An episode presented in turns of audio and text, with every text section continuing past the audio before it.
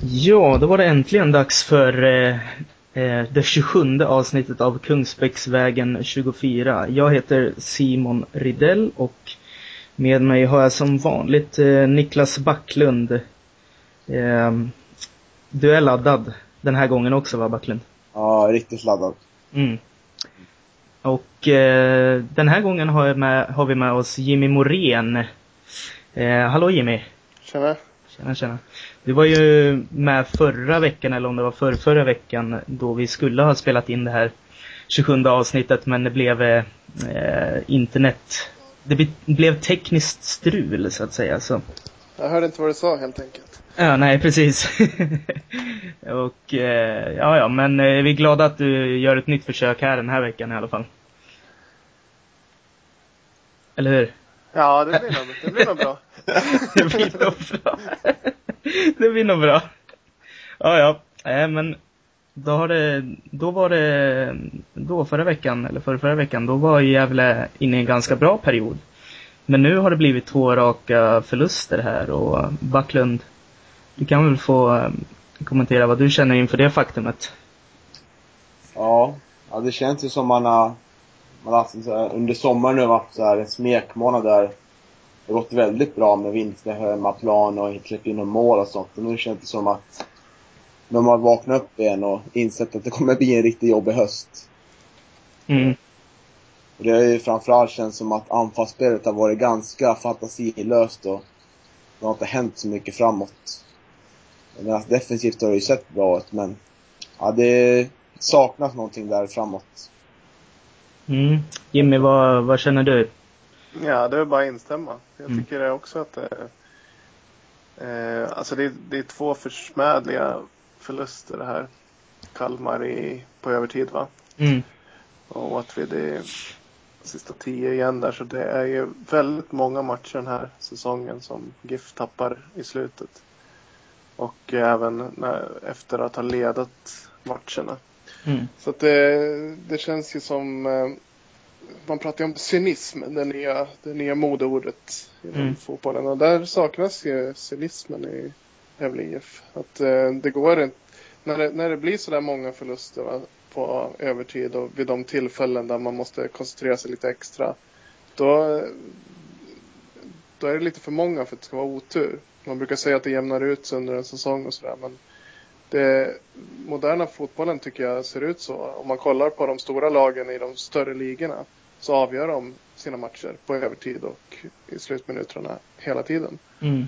Och eh, ett, ett, lag är så väl förberett på att gå in och försvara sig att, eh, att, att de klarar av det under en längre period, även mot bra lag. Men någon gång rasar det och lite så har det väl kanske varit för Gävle. Att de har eh, varit väldigt nära men samtidigt eh, kanske inte är så nära som man som åskådare kan tycka. Då, utan det, det, ja, nu har det varit lite väl många kan man väl tycka för att det, det känns ju lite väl orättvist ibland. Men mm. förhoppningsvis får de, de kanske får med sig någon, någon sån där också. Det brukar alltid, man brukar alltid få med sig någon övertidsseger eller så. Ja, och fick ju med en mot, fick ju med en mot Häcken där. De fick liksom. det mot Häcken, mm, ja. Mm. Och det kanske kommer någon med det i några matcher kvar. Så man, man får hoppas att det, att det blir någon eh, att man får med sig dem där också. Men eh, som sagt, det är liksom inte bara otur. Man kan inte bara prata om att Gävle har gjort eh, eh, bra matcher och faller på målsnöret hela mm. tiden. Utan man måste inse att man måste vara cynisk i Allsvenskan och eh, inte, alltså vi, det kanske är så att Gävle saknar lite rutin där i de lägena. Och mm. det, det, måste ju bli bättre helt enkelt om de ska greja kontraktet. För det är ju Falkenberg som kanske, om man nu ska prata om smekmånader, så har kanske de haft sin smekmånad. Men det är ändå ett bra lag. Och IFK Norrköping som eh, inte alls känns som någon räddningsplanka. Även om de har spelat dåligt på slutet så känns ju de som de har ett lag mm. som inte borde ligga på kvalplats. Ja, verkligen om Mjällby med Chippen ska man inte räkna bort heller. Så att, eh, Hur mycket har Chippen spelat egentligen sedan han kom tillbaka? Det känns som han gjorde en match där precis i början och gjorde två mål och sen... Ja, han gjorde mål matchen efter också va? Mm, var, ja, som jag såg så han, han är ju väldigt giftig när han får ha bollen och styra och ställa på kanten. Så det blir... Eh, alltså de kommer kanske lyfta sig Mjällby också så att jag, jag har lite svårt att se att Gävle ska greja det. De, de får eh, mm. ja, de kanske får nöja sig med kval. Ja, låter, låter hemskt. Kval gillar jag inte. Eh, men eh, ja, just, eh, just med Kalmar också med att det, det kanske inte alltid är orättvist med sena mål. Jag menar Kalmar hade ju 71 chanser i den matchen om man tänker. Så ja. Jag tycker ändå att det var, det var ändå en eh, hyfsat bra kämpainsats. Jag menar, det var lite svängdörrar i försvaret, men eh, jag menar, Gävle har alltid svårt mot Kalmar. Alltså, jag har inget stats framme på det, men du kanske har det i huvudet Jimmy, liksom Gävles, eh, Gävles siffror mot just Kalmar. Alltså... ja, precis. Ganska bra, bra mot Kalmar, jag kommer ihåg. Det var ju eh. något där Lantos första mål för Gävle. Mm, ja, sen har vi, vann vi med 1-0 där Falsetas gjorde en ganska bra match också. Men ja. ja rent allmänt så känner jag att vi har mycket torsk. Är det, är det borta du tänker eller? eller? Nej, jag tänker både hemma och borta alltså. Fast det är, det är mycket oavgjort va? Det är mycket oavgjort så att, ja. De har mötts eh, 30 gånger. Mm. Eh, Gävle har vunnit sex. Ja. Det, är faktiskt, det är faktiskt inte bra. Nej. De har bara vunnit tre gånger i Allsvenskan mot dem. Jo, precis. Jag menar, och Kalmar, nu kanske inte Kalmar är inne i storformen precis nu, men eh, de är ändå, de är ändå ett bra lag i år i Allsvenskan, så jag menar. Nej, för mig, för mig känns ju, för. nej precis, för mig känns ju Åtvid-förlusten eh, liksom som den som frammanar en viss oro. Ja. För det var ju väldigt eh, impotent anfallsspel. Jag menar, Gävle hade väl noll riktiga chanser. Om, eller? Ja. Hur var det? Ja, alltså jag, jag tänker att Alltså själv, under själva säsongen tycker jag det varit ganska klart framåt överlag. Det är bara det att man har, man har fått chansen men de har varit effektiva. Som bara den. Det är undantag från i början av säsongen då man faktiskt gick eh, väldigt mycket offensivt. Men då var det defensiven som fick brista. Men eh, under säsongen tycker jag att anfallsspelet inte, det har inte varit så här jättebra liksom. Det har inte hänt så mycket. Det var tomt inne i boxen och inläggen har, har inte alls varit bra. Men det är bara mm. det att man varit effektiva. Som mot Kalmar liksom. Man får en målchans och då sätter man den där liksom. Mm, mm. Så grund och botten tycker jag problemet är att man det känns lite som att man inte har en riktig att Ja, vi kom, nu, nu är bollen utanför straffområdet. Vad gör vi då liksom? Man fyller, du menar att man liksom inte riktigt fyller på in i straffområdet eller? Ja, lite så. Och så, vad gör man då liksom? Det känns som att man inte har någon, liksom, så här, någon idé hur man bör skapa målchans då. När det, står, när det står stopp på kanten liksom. Eller när det är tomt där inne. Mm. Det är jag väldigt frågande över faktiskt. Oroad. Man trodde inte riktigt att det skulle bli så här när Roger tog över. Han som eh, liksom filosoferar kring eh, offensivt spel och sådär. Han, mm. eh, Gävle har ju, det är bara ett lag som har gjort färre mål än Gävle i år och det är Mjällby. Och Gävle har ju släppt in väldigt lite mål, bara 27 stycken på 22 matcher. Mm. Så att eh, Gävle har ju blivit ett mycket mer tillknäppt lag än det var under Pelle. Det är, det är inte så många som pratar om utan eh, det är mer hans personlighet som kommer fram. Rogers liksom. Att, eh, mm. och, och den offensiva spelsystemet med ofta tre forwards, eller i alla fall tre offensiva anfallskrafter. Mm. Eh, så, så det man borde prata om är egentligen hur, hur defensiven har fungerat och hur Gävle faktiskt har blivit ett lag som har blivit ännu svårare att att komma igenom på. Och det visar sig också att de gör målen alldeles i slutminuterna. Mm. Mot, mot Gävle. Så att, man får ju säga att, att det har inte blivit som jag hade trott i alla fall med, med Roger Sandberg. Som... Jag, kan, jag kan tycka att det, det började alltså ganska frejdigt. Men Gävle tog ju inga poäng. Så att eh, Sandberg kanske möjligen eh, tog ett steg tillbaka och bara nej, vi måste nog vi måste nog fokusera alltså, på defensiven ändå. Även fast jag hade mina jag hade mina önskemål från början liksom, men... för att, men man minns ju några tidiga matcher. Det var ju till exempel, brukar nämna den just, eh, som Gävle förlorade med 2-0 hemma mot Kalmar. Men spelade ju fantastiskt anfallsspel länge i den matchen. Men det, det dög ju liksom inte. Det blev Kalmar gjorde en jävle på jävla lite sådär. Ja. Eh, just det. Och... Eh, Nej men jag kan Precis, det, men det, alltså det Gävle har ju varit ett ja. spelförande lag den här säsongen som Mm. de absolut inte har varit tidigare. Och det är väl, eh, alltså allting är ihop i fotboll. Men har man bollen så kan man inte släppa in mål. Och ja, det var ju, Pelles filosofi var ju inte riktigt så utan det var ju att täppa till bakåt och spela ett disciplinerat försvarsspel och sen kontra snabbt. Mm. Medan Rogers är mer att hålla i bollen och eh, sett ur def- defensiv synpunkt så är det väl ändå, eh, har det visat sig att det har varit ganska, fungerat ganska bra. Eh, med de spelskickliga spelare som Gävle har fått in. Som eh, kan verkligen hålla i bollen. Mm. Och, eh, ja.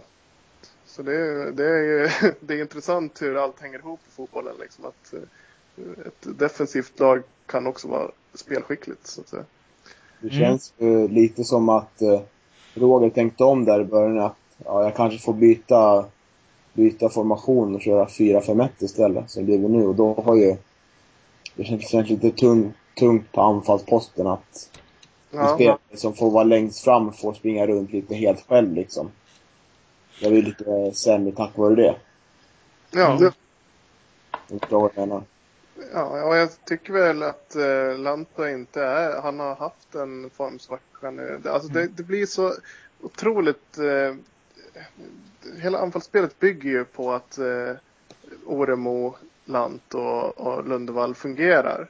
För det är de tre som ska göra det. Det, det är mycket tydligare nu att det är de tre som ska göra det än det var Mm. tidigare. Tidigare så kunde man ha två yttrar och två forwards. Och det, blev, det var lite svårare. Nu är det väldigt tydligt att det bara är de tre som, som är hoten framåt. Mm. För Marcus Hansson har inte eh, han har tagit mer defensiv roll tycker jag, i alla fall de senaste matcherna. Mm. Robin Nilsson är ingen offensiv spelare. Anders Båth, ja då och då. Men det, det blir, man, de litar ju hela, hela anfallsspelet bygger på de tre spelarna. Och Halland då, som han har haft de senaste tiden, han är inte lika rapp som han var tidigare. Jag, den förlängde ju jävligt med honom och eh, det är förstås eh, Kulturbärargrej. Ja, en, tro, en trotjänare och eh, det var kanske rätt att förlänga. Säger inte att det var fel. Men, men eh, det är, eh, jag tror inte han blir bättre så att säga. Jag tror han har nått eh, piken och jag undrar om han verkligen gör sig, gör sig bäst som offensiv eh, Ja, det är som med forward egentligen som de spelar ju. För Ja, det är ju nästan 4-3-3 tycker jag. Och Mm. han, eh, han har, eh, han har inte kvar, han är inte lika vass som han var för några år sedan. Och, eh, så, så där kanske egentligen man skulle flytta ner honom och spela som innermittfältare där han fortfarande kan hålla i bollen sådär. Alltså, ja, Han har ju nästan sin förtjänst nu liksom i spelet defensivt. Ja. Menar, han jag har- jag har faktiskt- Ja. Liksom. Ja, jag har ju jag har till och med satt upp en programpunkt här på mitt papper som heter Dags att bänka Lanto? frågetecken. Men eh, min, min, eh, liksom mina pros för Lanto det är ändå att, ja, han är ju, han är ju duktig defensivt.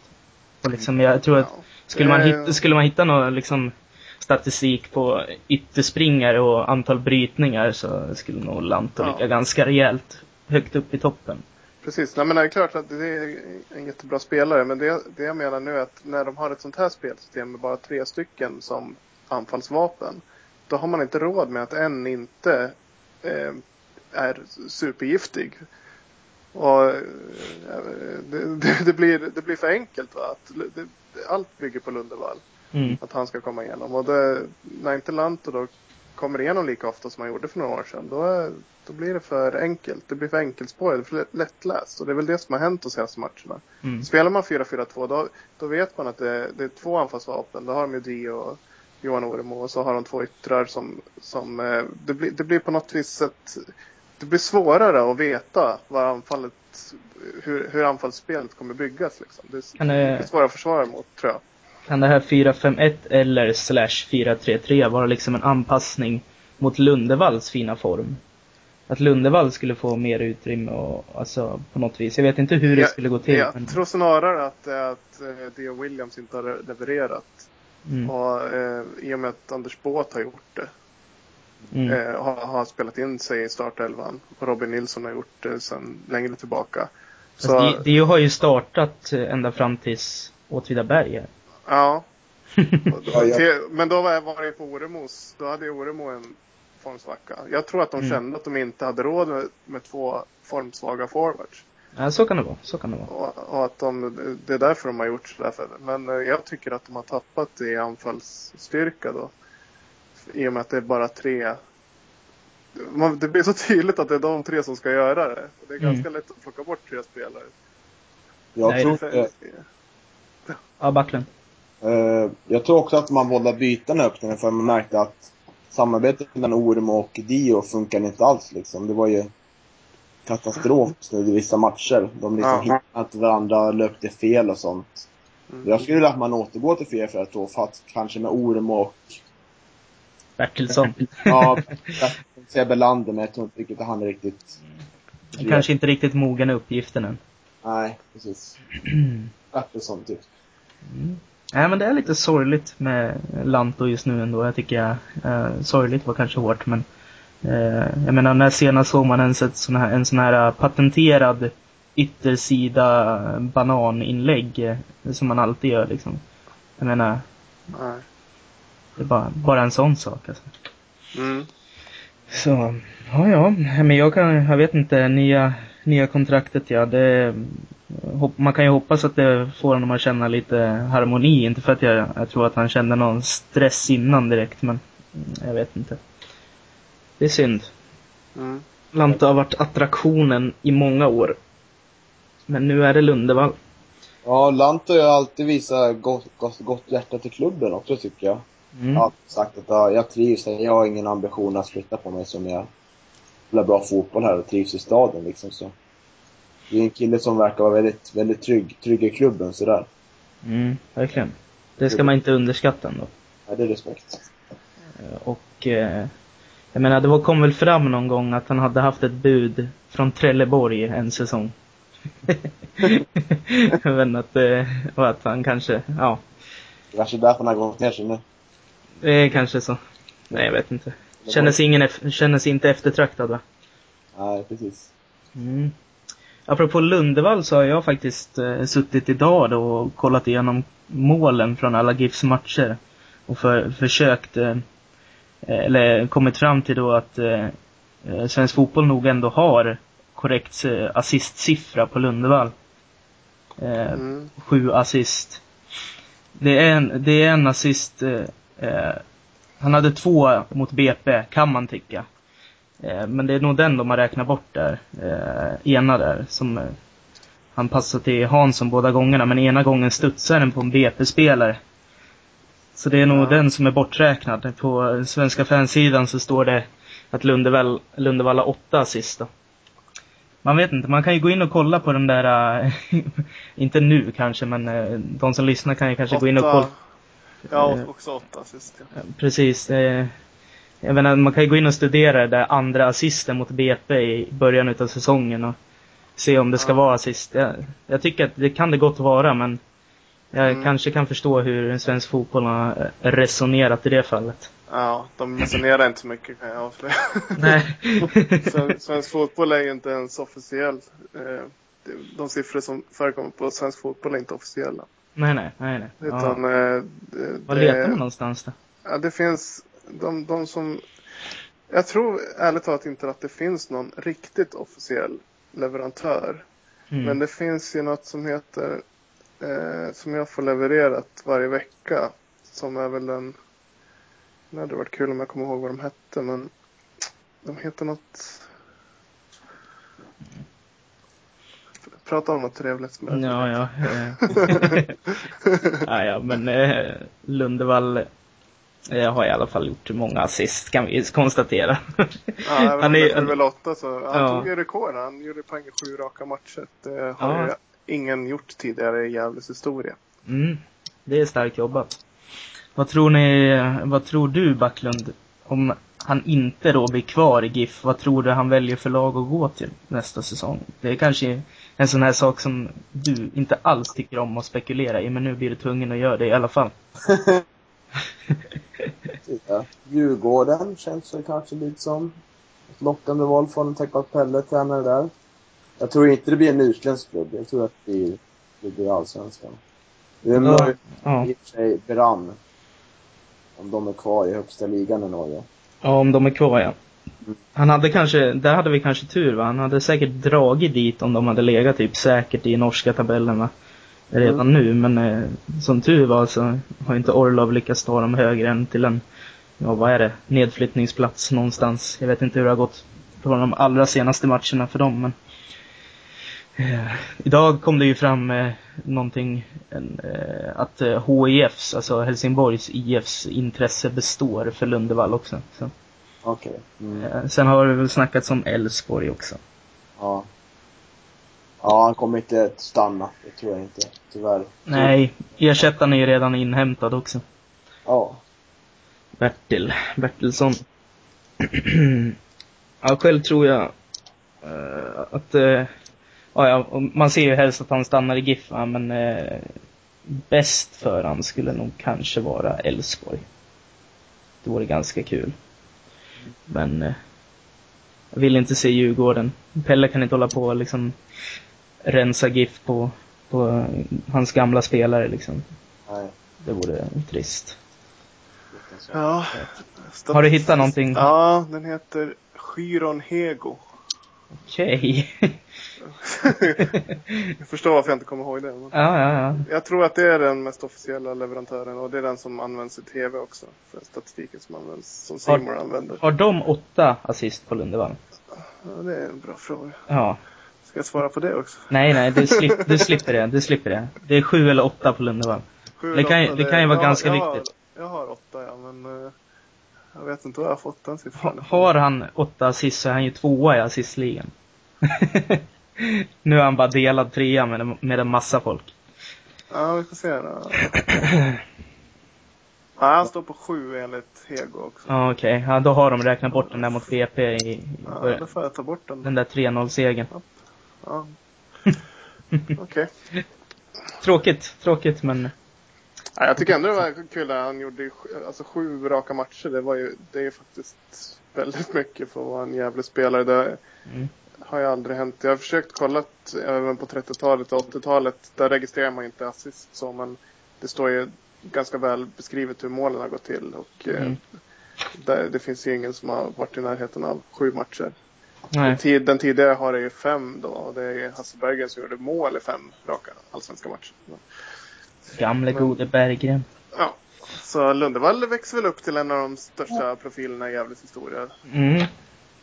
Ja, precis, vet du, han hade bara eh, han gick ju väl, han gick ju poänglös mot Malmö då, då. Men sen så hade han ju en ass igen mot Kalmar. Ja, Så, ja. Han har varit med i, i protokollet ända sedan Häckenmatchen. Mm. Varenda match. Han har fått gult kort i de matcher han inte har gjort poäng. Så det är tio raka matcher som han har varit i protokollet. Det, är- det är fan fint alltså. Han gillar att synas. Ja, han gör ju det. Nej, Sen är han lite blyg vid sidan av ändå.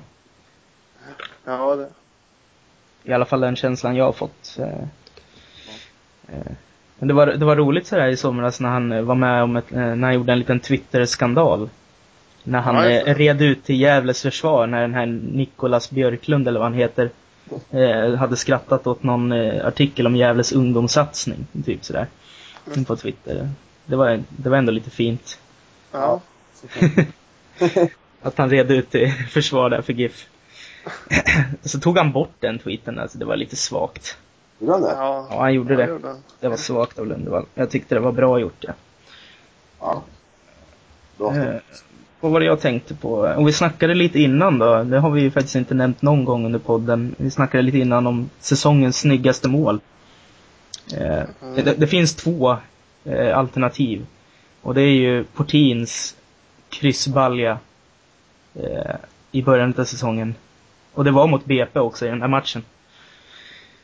Efter, eh, efter att Lundevall sköt i, sköt i muren på en frispark och Portin fick drämma till på returen som blev. Det är den, Precis. eh, det är den eller Lundevalls kanon mot eh, Göteborg i början utav den matchen om ni kommer ihåg den. Ja. På hemmaplan. Ja. Vilken är snyggast Backlund? Jag tycker Lundevalls skott faktiskt är snyggast. Du tycker det? Ja. Det, det, alltså i och för sig var ju Portins med fel fot och. Portin är ju ändå Portin va? Ja, jo ändå, men. Det är, det är svårt, roligare. att, det är svårt att, att tänka bort att det är Portin.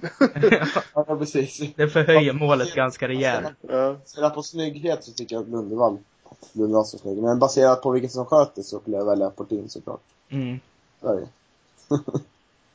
Så diskuterar vi snyggaste målet under hela den allsvenska sessionen. Det har varit uppe på tapeten förr och det ska ju tydligen vara Dahlbergs mot Malmö något år där på hemmaplan. Är det något av de, de här två målen som snår, eh, alltså slår det målet? Nej, Nej. det tycker jag inte. Det målet var så, var så svår prestation i och med att han kommer i, i full fart framåt. Och alla som har spelat fotboll vet att det är nog det svåraste läget man kan eh, skjuta i. När, Mm. man, sj- när man själv kommer springande rakt framåt. Det kan väldigt svårt att tajma eh, löpningen. Det lättaste är om man får bollen rullande mot sig. Även från sidan i vissa lägen kan vara lätt. Va? Men just springa bollen full fart framåt. Han gör det dessutom med fel fot. Mm. Nej, Han gör det med vänsterfoten som är Mm. väl lite svagare. Som är, ja, det är ett fantastiskt mål. Alltså det, är, det är en sån teknisk prestation. Så att, eh, det, man blev Dag- verkligen för, förvånad när man såg målet. Man trodde inte...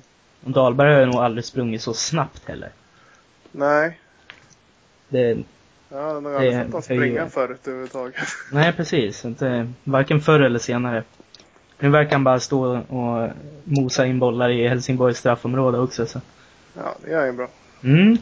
Vad tycker ni? Är det kul att Dahlberg har fått några boll, baljor in där eller? Kan du unna honom det Backlund? Nej, det kan jag inte göra. Nej. Hur tror du den? ja, ja men det var ju precis det svaret jag ville, ville ha av dig. jag är sån här bra journalist som letar efter, nej, jag vet inte. Eh, ja, vad ska vi gå in på då då? Vi kan väl eh, eh, fokusera och kolla lite framåt då.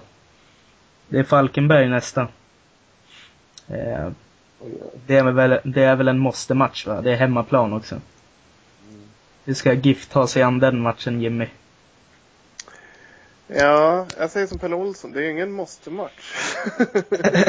Nej, det är väl inte det förrän i sista omgången. Men... Men det är ju en sjukt viktig match. Det är en sexpoängsmatch kan jag väl gå med på att det är. För Mm. att eh, eh, med tanke på att de båda slåss där. Och Falkenberg kanske har haft sin smekmånad som sagt. Det kanske är så att det, det kanske är så att det brukar ändå vara så att nykomlingarna har en period som de går väldigt bra i- början av serien och sen tappar de i slutet. Mm. Och för Gävles del kan man väl hoppas att det är det som händer med Falkenberg. Och det är ju läskigt där med IFK Norrköping som ligger på kvalplats som känns som de ändå har ett lag för högre positioner i tabellen. Mm. Så Gävle får eh, nog... Eh, Se till att peta ner Falkenberg helt enkelt. jag tror att det, det är klart att det vore en jäkligt bra match att vinna. Dels, dels för att de möter en, en direkt konkurrent men kanske framförallt för att bryta trenden. Va? Att med två förluster, de har inte vunnit nu sen BP borta. Det känns som att man skulle behöva bryta den trenden för att annars kan det bli sådär fan hela säsongen går emot oss. Så det, det är förluster på övertid och det är förluster efter att ha ledat matcherna. Och sådär. Att det, det, alltså jag tror att det är så mycket psykologi i det här nu. Att det, det är jämna lag där i botten och man måste liksom man, alltså det är så det gäller att tänka rätt i de här lägena och att få, ha spelare som känner att de är vinnartyper och att, att de vägrar förlora i de här lägena istället för att börja tänka att äh, vi är, det är så mycket som går emot och vi, vi kommer säkert torska på slutet. Och det räcker att det finns den tanken i bakhuvudet så, så förlorar man. Så pass jämnt är det. Och jag tror mycket på sånt där psykologi i de här lägena. Mm. Falkenberg, det är lite äckligt alltså. De är ju sånt här lag som kommer underifrån och ändå vill spela lite. De brukar vara, li- brukar vara lite äckliga för GIF att möta. Alltså, det är bara en, en känsla jag har. Jag vet inte. Jag vet inte hur det är egentligen. Men jag menar, och Hen- Henrik Larsson liksom kan väl inte ens, jag menar, alltså den gamla storspelaren, han kan ju inte acceptera en förlust mot Gävle, även fast han vet att Gävle är mer etablerat. Så. Det blir en äcklig match. Det blir en äcklig match. Verkligen. Eller vad känner, vad känner du Backlund? Vad, hur borde GIF spela det, i den matchen då? Ja, det är en bra fråga. Mm. Mm. Gå, gå full, full fart framåt och chocka Falkenberg eller? Ja, nej. Jag tror inte. Men alltså, våga liksom. Våga Mm. fylla på med folk och visa liksom att nu jävlar ska vi vinna här liksom. Visa Mm. vilka som bestämmer liksom. Från vilja från början liksom. tror jag är jävligt viktigt. Mm. Sen har jag tänkt en del på, om man ser vilka vi har kvar hemma, det är Falkenberg. Det är Örebro, Norrköping, Helsingborg. Medan vi borta har vi Göteborg, Elfsborg, Djurgården och Häcken. Det känns, Mm. det är på hemmaplan liksom. Hemma, ja, det är på hemmaplan det ska hända. Det ska Ja. ske i, i höst alltså. Det är där alla nyckelmatcher kommer känns som. Mm, jag kan dra min, jag kan dra min radda här. Vi har, det här är nog kanske snäppet för optimistiskt, men GIF Falkenberg 14 september, 3 poäng. IFK GIF 19 september, 0 poäng. Elfsborg 24 september, 0 poäng. Så där kommer vi ha lite ångest va. Det blir två raka nollpoängare. Och sen är det ÖSK hemma, det är 3 poäng. DIF GIF 4 oktober för övrigt. Då är det ju då är det samma, samma dag är det ju Brynäs-Djurgården på Hovet också. Och man kan gå på båda matcherna. Just det. Är värt att säga i podden tror jag. Ja, det, Det kan vara en kul, fjär- 4 oktober. Först DIF mot GIF på Tele2. Och sen Brynäs-Djurgården då på Hovet. En halvtimme efter att GIF-matchen är slut. ja, Det är inte dumt. inte dumt. Det har jag bokat in i alla fall kan jag säga. Ja, Eh, Och eh, då blir det en poäng för GIF. alltså. Ja, det blir det. Och eh, mot Norrköping hemma 19 oktober blir det tre poäng.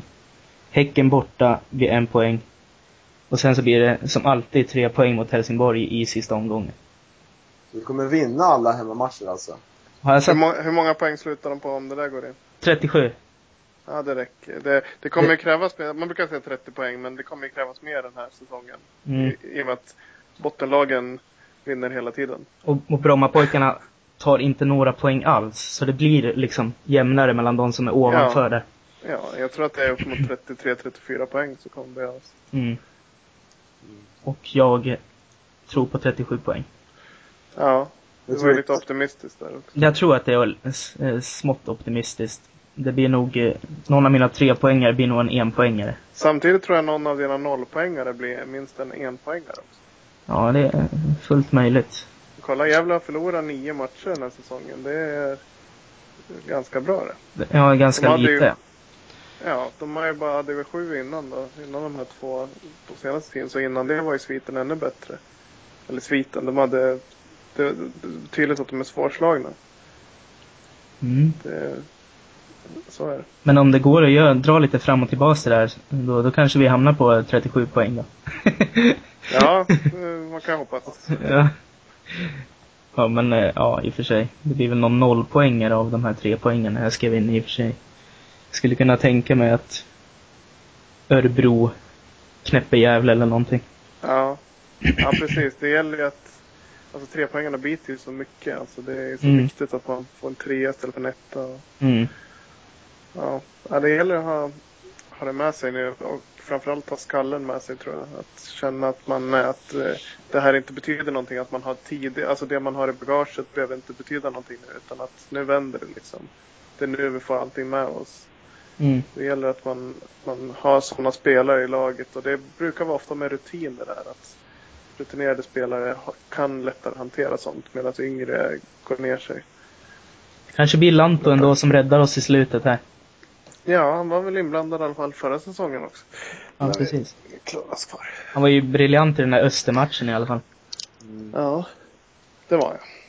Så vi kan väl hoppas på det. Mm. Eh, vad heter det, vad heter det, vad heter det?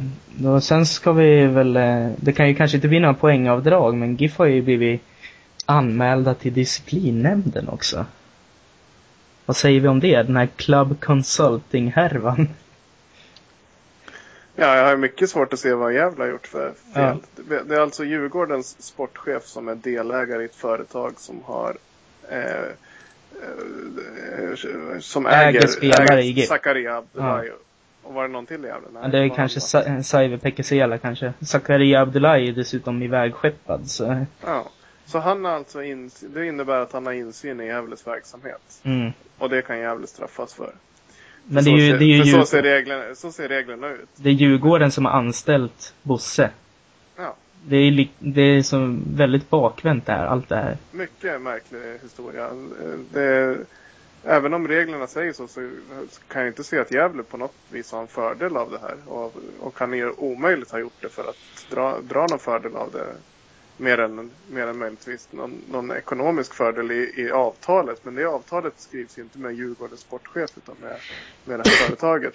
Ja, Så det är ju ja, det är en mycket märklig konstruktion och sådana här konstruktioner verkar ju bli allt vanligare. Och det är väl viktigt att det blir ett prejudikat nu i, i det här fallet så att man så att man tydligt ser vad som gäller. Mm. Eh, Men jag har ju mycket svårt att se att det ska att det ska slå mot Gävle. Och, det här, och man känner Lindstrand som själv är, eh, har bra koll på det där. Han tror jag ju inte... Jag tror han vet vad han gör. Och Ja, men det- jag, det tror, jag, jag tror att Gävle klarar sig. Det låter ju inte som att det ska bli någon slags Nej, dom på Gävle eller? Det tror jag Den här, eh, den här eh, juridiska, vad heter han? Förbundets jurist eller, ja han är, jag vet inte, det känns som att han har lite att göra. Ja. Men är, jag tror ändå samtidigt att det är viktigt att skapa prejudikat. För de här lösningarna blir allt vanligare. Mm. Och man undrar var fotbollen är på väg. Om det, om, eh, om det finns ägarintressen lite här och var. Och eh, en klubb kan äga en spelare som spelar i en annan... eh, Alltså ha insyn i en annan klubb. Okej att man lånar ut spelare, det sker ju hela tiden. Men alltså det, på den in- internationella scenen så ser man ju nu att det är fyra, fem klubbar. De har ju lånat ut en, de, har, de äger en tre, fyra lag. Mm. Jo, I- så Italien så är det. Ja, Man vet hur Udinese och sådär jobbar och. ja man, man undrar ju var det här slutar någonstans. Liksom. Så att jag tror att det är jätteviktigt att skapa prejudikat för de här fallen. Så att det inte sker igen. Liksom, att det, det, så här får det liksom inte gå till. Man kan inte ha, det, det tappar ju det sportsliga värdet på något vis tycker jag. Och man undrar hur länge folk håller ut. Menar spelare går fram och tillbaka, det finns ingen klubbhjärta. Och någonstans så, ja, jag vet inte, det kanske det, det blir liksom som en turistcirkus, hela fotbollen. Istället för att, som det har varit, att man brinner för ett lag. Mm. Eller det var någon som sa nu att de trodde att folk skulle börja hålla på spelare istället för att hålla på lag i framtiden. Usch. Redan har börjat så bland de yngre. Liksom. Ja, bland de yngre. Men fan, vi får, vi det är- vuxna får Ja, liksom ta ansvar här pränta in någonting. exakt, och då känns det ju viktigt att skapa prejudikat för sånt Mm. fall. Oj, oj, oj. Det börjar i och för sig alltid så. Jag håller ju på Arsenal nu, ute i Europa, för att jag tyckte om Bergkamp när jag var liten. Mm. Så det börjar alltid så. Men... Ja, Jag ja. höll ju på Aston Villa för att de hade snygga tröjor. Ja det, det är också, det är också ett Den alternativ. var väldigt vanlig. jag tror inte jag är ensam om det. Nej, Arsenal har inte så snygga tröjor, det är samma som Sandvikens IF, men... Det är bästa. ja, precis. Nej, men, eh, ja, ja. Okej. Ja, jag har en programpunkt till, men summa summarum med Club Consulting är att eh, Ja, det var ju redan klart att det, det är i alla fall ingen sån här poängavdragsfara för GIF. Så Nej, det är i så fall bara böter, men det blir Ja. nog inte ens det. det tror jag inte att det blir. Nej. Då så. Vi kan lita på att Lindstrand styr upp det där. Det tror jag han gör. Nu, tyckte jag, att- nu tycker jag att vi ska sätta betyg till årets nyförvärv. Åh, spännande. Ja. Mm. Vilken betygsskala har du tänkt då? 1 till 5. Okej. Vad betyder fem då? Eh, det är allsvensk toppklass. Oj. Eh, fyra är mycket bra, tre bra, eh, två godkänt, ett eh, dålig. Jaha, Man kan få bjuda på en noll också, usel om man vill, men okej. Ja, Sasa Czernic. Eh, Jimmy, du kan få börja. Eh, ja, han har ju stått några matcher va. Mm. Nu har inte jag siffrorna, det borde jag ju ta fram i så fall. Men han gjorde ju något misstag va? Ja, han gjorde det bland annat mot just Kalmar där. Eh, Och, och efter det var han ute i kylan igen. Mm, Kom, Em- Emil svajade lite va? Precis, kom han, han har fått två vändor i kassen, Ja, Czernic. stämmer. Det var ju först Brommapojkarna och Åtvid Kalmar ser jag. Och Mm. sen var det Djurgården och Norrköping. Mm. Som han har stått. Och han gjorde väl något misstag i någon av de matcherna. Jag, jag tycker att han, att han gjorde det ganska bra va. När han, Mm. när han spelade. Men han gjorde det där misstaget och var därefter ute i kylan. Och sen har ju Emil storspelat. Mm. Så eh, han är väl eh, kanske inte riktigt godkänd. Eller så är han godkänd. Någonstans där.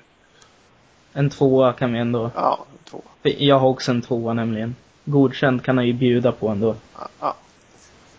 Mm. Jag har också en tvåa på honom tror jag. Tycker han har... Han har gjort det, gjort det helt okej när han kom in. Riktigt, det känns, han kändes betryggande faktiskt. Mm. Förutom det där, den där tav- tavlan då, men... Ja, man är ganska nöjd med målvaktsuppsättningen faktiskt. Det har gått ett, några månader. I alla fall på sistone när Hedvall har spelat upp sig då. Ja. Jag har ju hela tiden sagt att Hedvall ska stå va, men... Nej, men eh, en tvåa där också. Skule-Jon Fridgeirsson. Backlund, du kan få börja nu. Mm. Ja, han har inte spelat så mycket har det känts som. På sistone har han fått Han var mest ute, men... Jag får väl ge en tvåa. Det har väl varit godkänt, men inte mer tycker jag. Mm. Ja, inte man kan säga så mycket, men... Han har inte utmärkt sig så mycket tycker jag. Bra, alltså... Ja. Nej, jag inte på något mer. Nej. Jimmy. Ja, jag tycker nog att han har utmärkt sig, det får man säga. Han har ju eh, varit inblandad i en del mål bakåt. Bland annat tycker jag att han eh, är väldigt, han får ta på sig målet mot AIK. Det var i och för sig många, mycket som blev fel där när Goitom avgör på övertid. Det börjar med att Lantos skjuter mitt på målvakten. Eh, AIK gör en bra kontring och så kommer en, en lång boll där som Mm. Skuli missbedömer helt.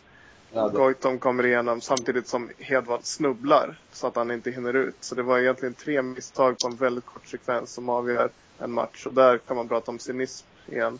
Det är Mm. typiskt där att man, eh, ja, de misstagen får man inte göra i det läget liksom. Och man kommer inte undan med det. Eh, och skulle ha, han var även inblandad i, var det mot BP eller vilka det var som Han hade ju en jävla dålig match mot Halmstad i vilken han också gjorde mål i alldeles i slutet. Ja, precis. Ehm, Så han har ju märkt, han är, alltså en sak måste jag säga, han är otroligt spelskicklig. Det är en, en av de mest eh, bollbegåvade mittbackar vi haft skulle jag säga. mm. Som eh, bra uppspel, väldigt bra fot liksom och känslig liksom. Han är på gränsen att han ska kunna spela som mittfältare. Att det kanske skulle vara en bättre position. Jag tror att han har gjort det också. Va? I, Mm, kanske han har gjort. Var det inte Ja. lite snack om det när han kom också? Att han kan, man kan faktiskt sätta upp honom i alla fall på Ja. defensiv mitt. precis, liksom. så man undrar om att, att inte det kanske skulle passa bättre. För jag tycker att han har gjort alldeles för stora tavlor i defensiven och eh, orsakat en del mål på det. Så han är hafsig kan man säga. Så att det, man kan säga att hans passningsfot och hans bollbehandling är ju, det är mycket bra. Det är ju en fyra. Vi har haft Men- en sån back. En sån Men- back skulle jag vilja säga. Det är väl teorin.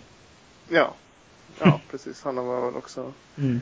väldigt bollskicklig. Men, eh, men han orsakar, precis som teorin, en del mål. Och, Mm. så där är väl en etta till försvarsinsatsen. Ja. Så jag vet inte vad det landar på. Det blir väl en tvåa.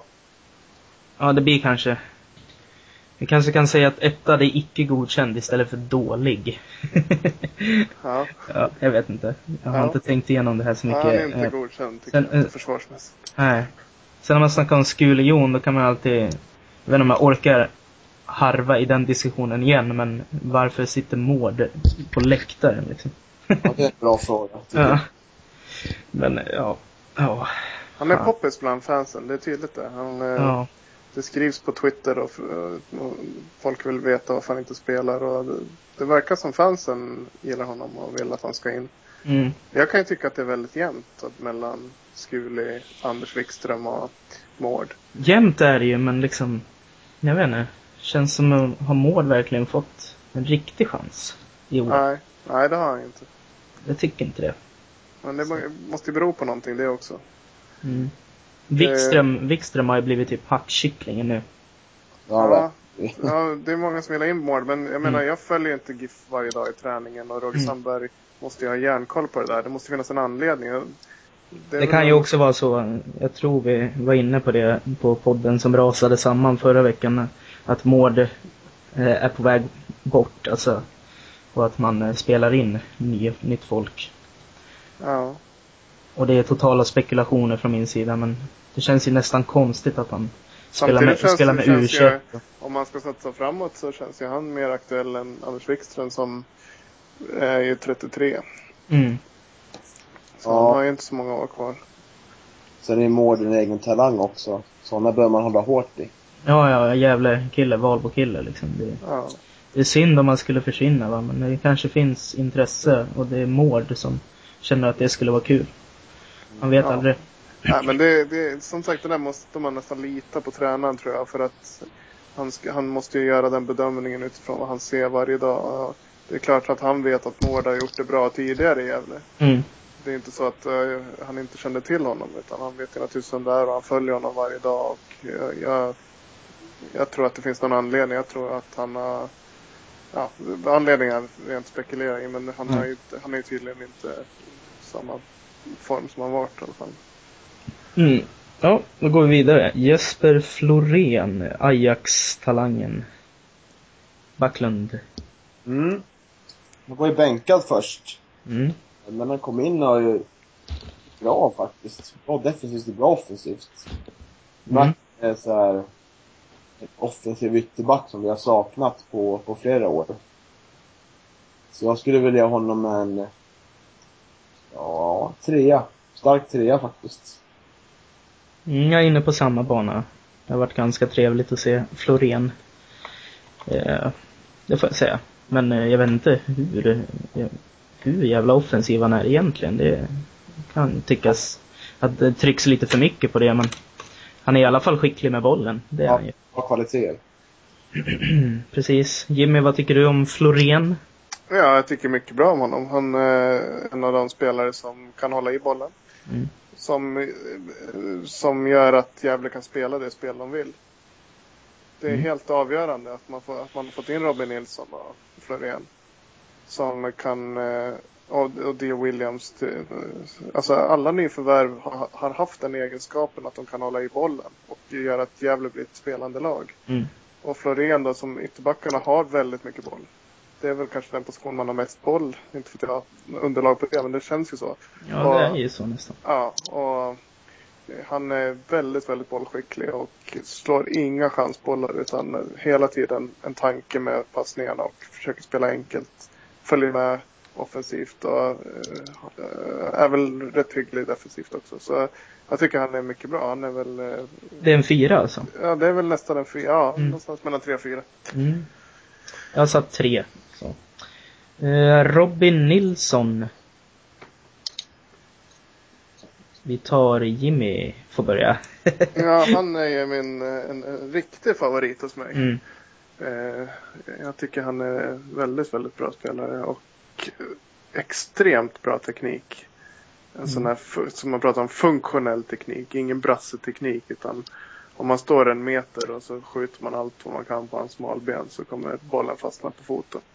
Mm. Det är den typen av teknik han har och, och eh, slår inte många felpassningar. Han är en liksom, mittfältsgeneral på många sätt. Han styr spelet.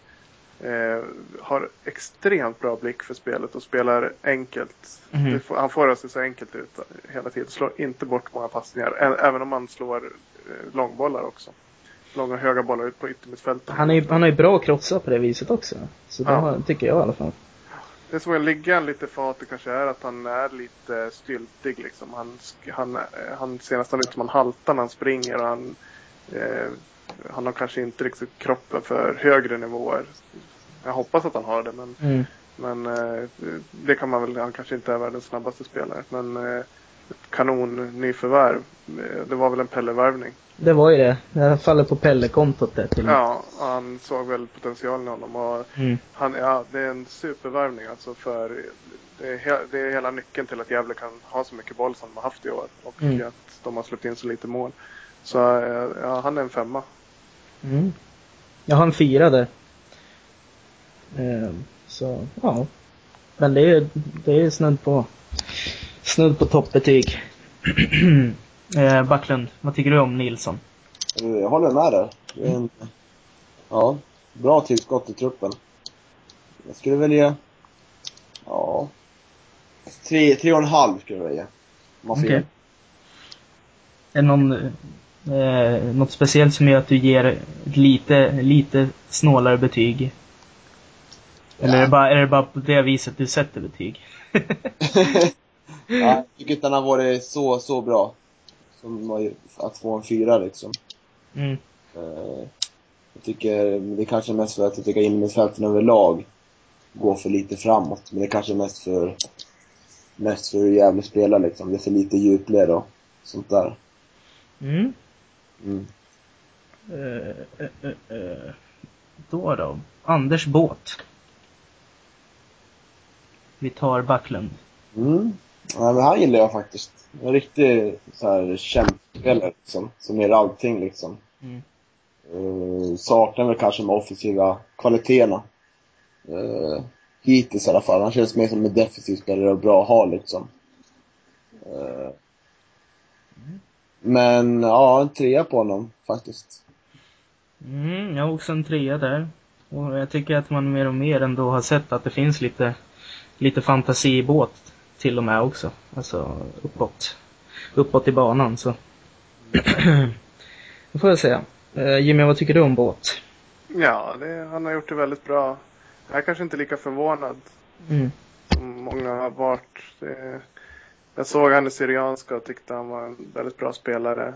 Eh, I många matcher där så var han en av dem som ändå stod emot när de hade en tung säsong och gjorde bra prestationer i stort sett hela tiden. Mm. Så jag tyckte det var en jättebra värvning och det var också en profilerad värvning som Gävle inte brukar göra.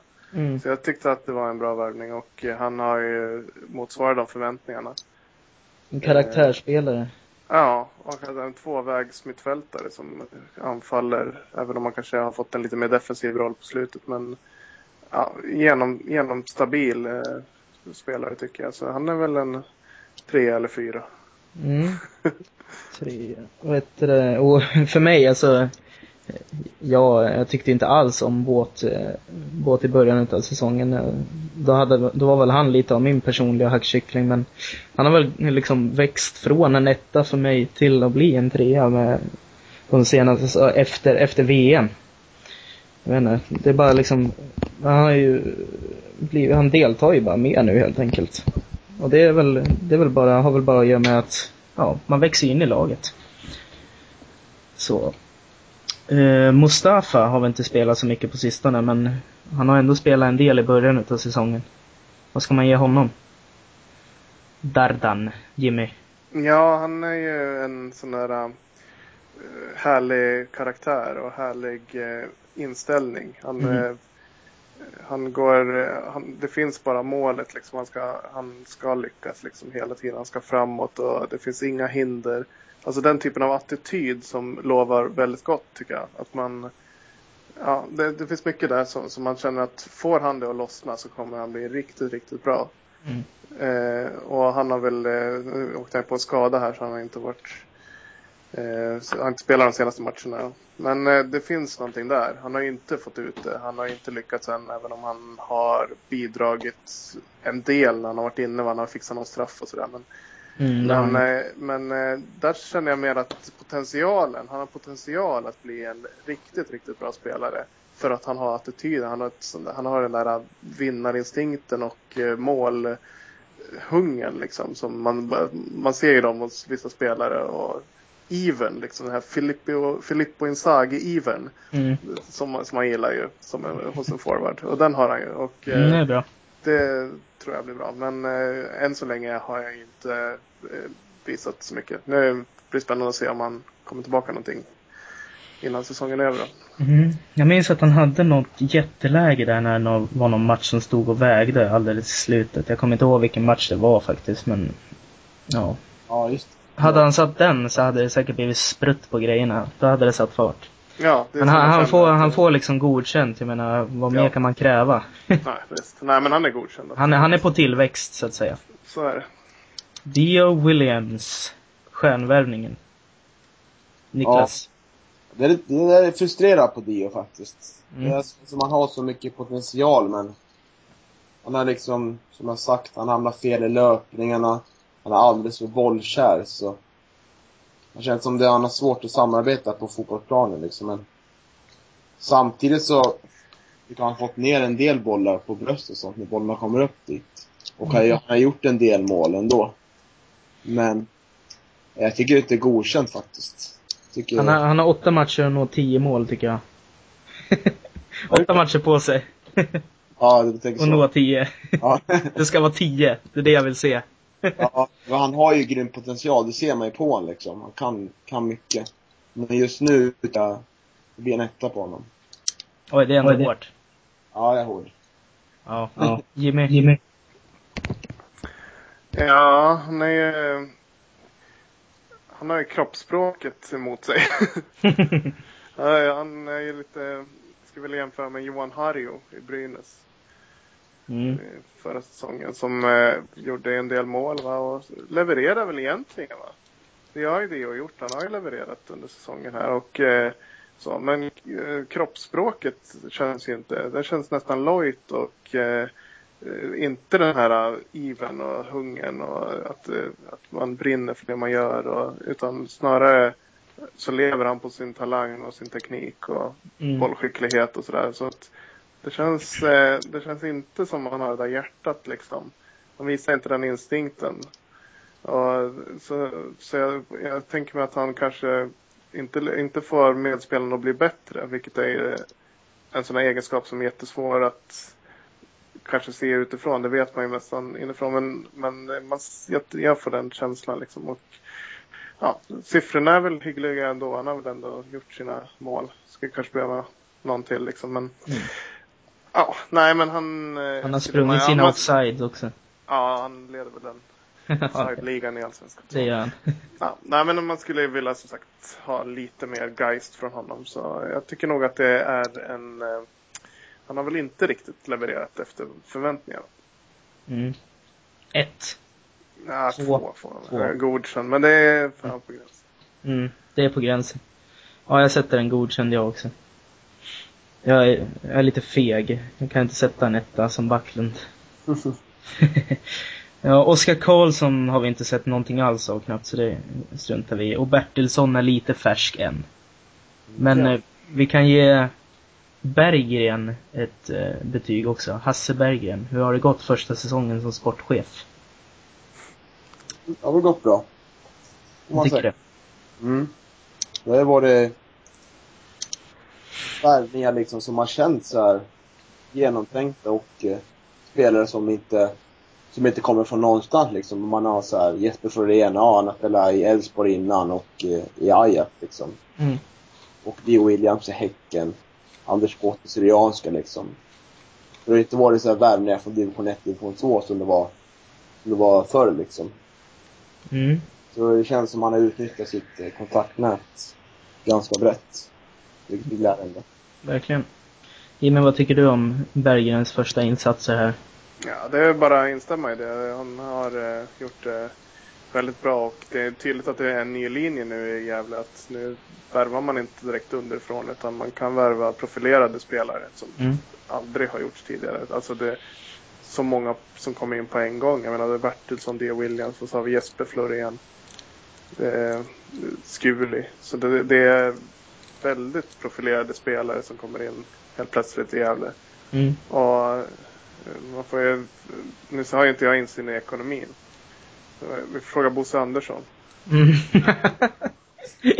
Men, eh, Snap. men om det inte är så att eh, Gävle har tappat mycket på det här nu då. Att det är en, eh, att, att man, att det är pojken med guldbyxorna som har tagit över så tror jag att eh, han har gjort det väldigt bra. mm, det tror jag också. Det får bli de avslutande orden. Nu tror jag vi har gjort en matig podd här som revansch på debaclet senast. Ja, verkligen. Eh, Så det, det är bra. Eh, Tack Jimmy för att du var med. Tackar. Tackar. Och tack Backlund som vanligt. Mm, tack detsamma. Vi försöker vara lite snabbare med nästa podd. Hej då!